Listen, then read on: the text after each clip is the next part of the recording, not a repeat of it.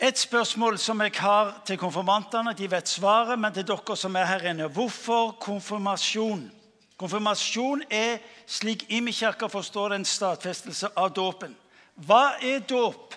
Dåp er fellesskap med Jesus Kristus. Altså konfirmasjon er fellesskap med Gud. Tygg på den. Konfirmasjon er altså ikke et kirkelig ritual, noe vi gjør fordi de gjorde det i fjor og året før. Konfirmasjon er i sitt innhold relasjon med Gud. Fellesskap med Gud.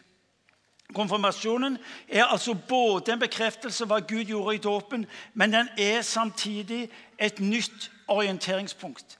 Det ordet som jeg har gått og gnur på for konfirmantene, men som jeg òg unner dere å bli utfordra og bli møtt på, det er ordet 'skape'. Etterpå nå så skal dere høre at vi framsier, bekjenner, proklamerer Kirkas trosbekjennelse, som har lytt gjennom generasjoner. Den innleder med å si i begynnelsen skapte Gud himmel og jord. La oss se på den videoen som nå kommer opp.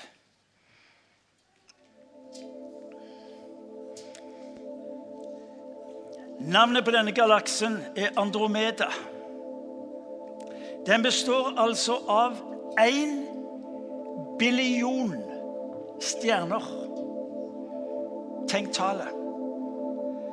Distansen fra ytterpunktene er altså 2,6 millioner lysår. Et lysår er 300 000 km. Altså den farten som lyset beveger seg på ett sekund. Dette er Milkeveien. Dette er Melkeveien. Vår egen galakse. Den består av 300 milliarder stjerner. Universet skapt eller bare en tilfeldighet? Ut av ingenting. Det krever stor tro og sterk tro å regne med at Norge kan komme ut av ingenting. Vår galakse, Melkeveien, sa jeg. 300 milliarder. Et eksempel. Hvis du teller ei stjerne for hvert sekund, vil du trenge 1800 år på å telle alle stjernene i vår galakse. Enormt.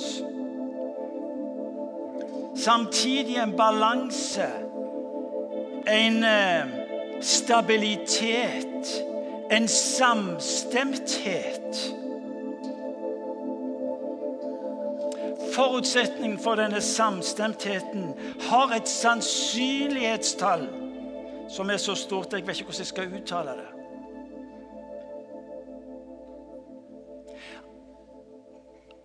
Det du så, var fire ulike galakser. Det er 100 milliarder galakser i universet, folkens. Det er langt mer enn den sanden du finner i sandkassen. Det er langt mer om du samler alt det som er av sand på denne kloden. 100 milliarder galakser.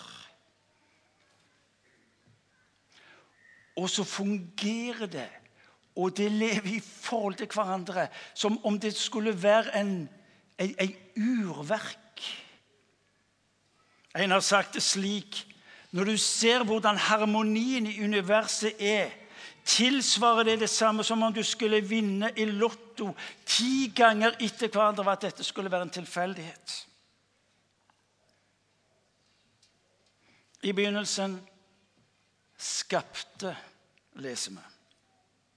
Trosbekjennelsen i begynnelsen. Bibelen sier at han talte, og det skjedde. Han bød, og det sto der.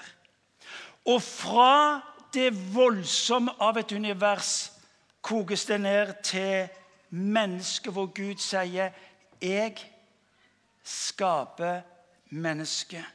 Du er skapt av Gud. Når du ser universet, og du hører Kirka uttale seg, så er det ikke Kirka sitt mandat primært å skal fortelle hvordan eller hvor lang tid. Men det står én hvem bak dette.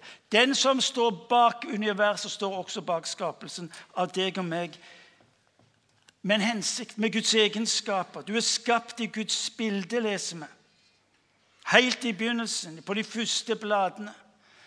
For en tid del år tilbake så jeg, eh, fikk jeg eh, infarkt, kom inn på sykehuset. Og jeg, jeg oppdaget jo at kroppen min er jo et gedigent skaperverk. Ikke bare mitt. da. Jeg er enig i at den kunne misforstås. Men jeg sto bak legen han holdt på og så på hjertet mitt i skjermen.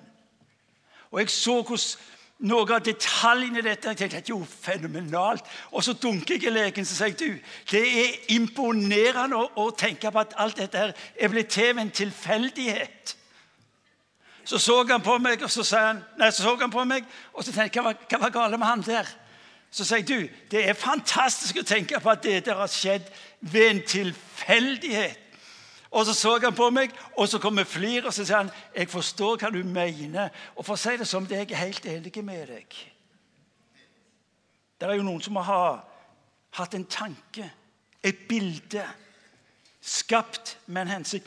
Det ene ordet konfirmanter jeg vil dere skal få tak i, og dere som er gjester Bibelen snakker om en Gud som skaper. Det andre er at vi er skapt for vi er skapt med en hensikt. Vi er skapt for å bety noe. Bortsett fra jorda og alt som fyller på den, så er alt det du og meg ser rundt oss, det er skapt. Denne talerstolen her, den er faktisk skapt. Den er lagd. Og for å være litt ubeskjeden Bildet av hvordan denne talerstolen skulle se ut, den, den starta i mitt hode. Det er derfor jeg ikke vil slippe den. De den er litt gammel og litt sånn ustødig. Den sier, ja, men den er min. Det aner meg at når jeg slutter her, så er det andre ting som fyker ut. Men den er altså et resultat av et bilde, av en tanke. Jeg har ei flott klokke. Den er skapt med en hensikt. Det var ikke slik at når, når møbelsnekkeren satt på i, på, på verkstedet sitt. Så satt han der så holdt han på med et eller annet. Og så, og så han, og det, dette var jo interessant. Ja, hva skal vi kalle det for noe? Vi kaller det for stol. Ja, hensikt med stol. Ja, Og så kan jo folk sitte på den. Hør nå. Alt det du og meg ser rundt oss, er skapt. Det er noe som starta i menneskets tanke fantasi, drøm skapt. Designeren hadde et bilde. Vitenskap, filosofi, samfunnsliv, næringsliv. Mennesket skapt i Guds bilde, skapt for å fortsette å skape. Jeg syns det er en fenomenal tanke. jeg. Å skulle tenke på at alt det mennesket gjør, er uttrykk for å skulle skape. Og så vil vi tro at universet er et resultat av tilfeldighet. Bare spør. Jeg syns det er litt fascinerende. Skapt. Skapt av Gud. Skapt for Gud med en hensikt men også skapt for fellesskap med Gud. Hør nå godt etter. Du er ikke en sånn en fritt flyve, fly, flyvende, svevende satellitt i verdensrommet. Du er ikke bare resultatet av at to mennesker hang sammen på en veldig tett måte. Du er skapt med en hensikt. Selv om menneskene rundt deg ikke uten videre tenkte det, så sier Guds ord noe om at du er skapt det ha fellesskap med meg.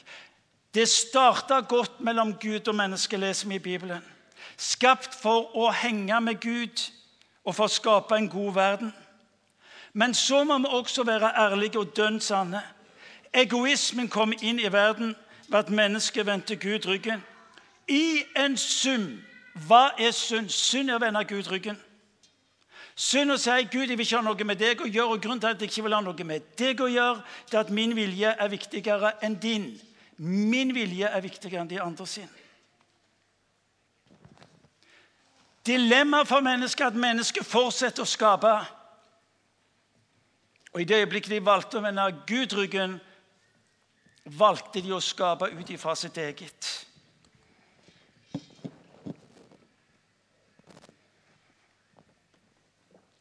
Og vi skaper krigen, sykdommene, urettferdigheten, prostitusjon, undertrykkinga. Fordi mennesket var skapt til å skape. Mennesket var skapt til å skape. Dramastykket som dere ser som konfirmantene har her.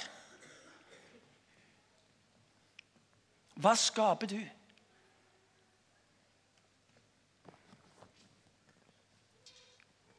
Du kunne ha slutta der.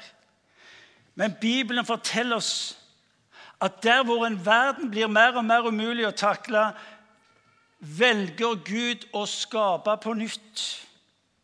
Ikke en ting, ikke en jord, ikke et univers eller mennesker, men han skaper en ny relasjon. En ny forbindelse. En ny plattform for mennesket. Kristendom er ikke så mye å finne av Gud som å la seg finne av Gud. For så høyt har Gud elska verden, at han ga sin sønn den enbårne, for at verden som tror på ham, ikke skal gå fortapt, men ha evig liv. Gud har et ansikt, Jesus Kristus. Med Jesus er du tilbake på sporet igjen. Og med det også evnen til å skape som Gud skaper. Menneske, Hensikten med mennesket sitt liv det er å få være med og skape som Gud skaper. Det var noe av det første mennesket før køren og mennesket ble skapt. En gang til.